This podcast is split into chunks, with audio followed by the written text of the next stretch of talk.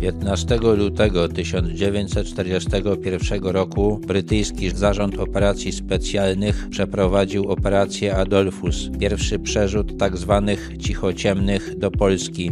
W skład tzw. Tak ekipy zerowej wchodzili major Stanisław Krzymowski, pseudonim Kostka, rotmistrz Józef Zabielski, Żbik i bombardier Czesław Raczkowski, Orkan.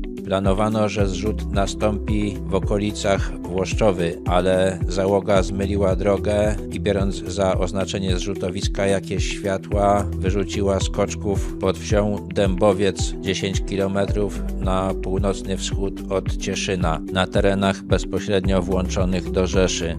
Wszystkim skoczkom przy pomocy miejscowej ludności i członków ZWZ udało się przedostać do Generalnej Guberni i dotrzeć do Warszawy. Do transportu skoczków użyto starego bombowca Armstrong Whitley, który miał mały zasięg i musiał lecieć przez Niemcy, żeby wrócić. W następnych tego typu operacjach używano już samolotów Halifax o znacznie większym zasięgu i prędkości. Te samoloty latały już taką trasą, aby omijać Niemcy, najczęściej nad Danią lub Szwecją i Bałtykiem.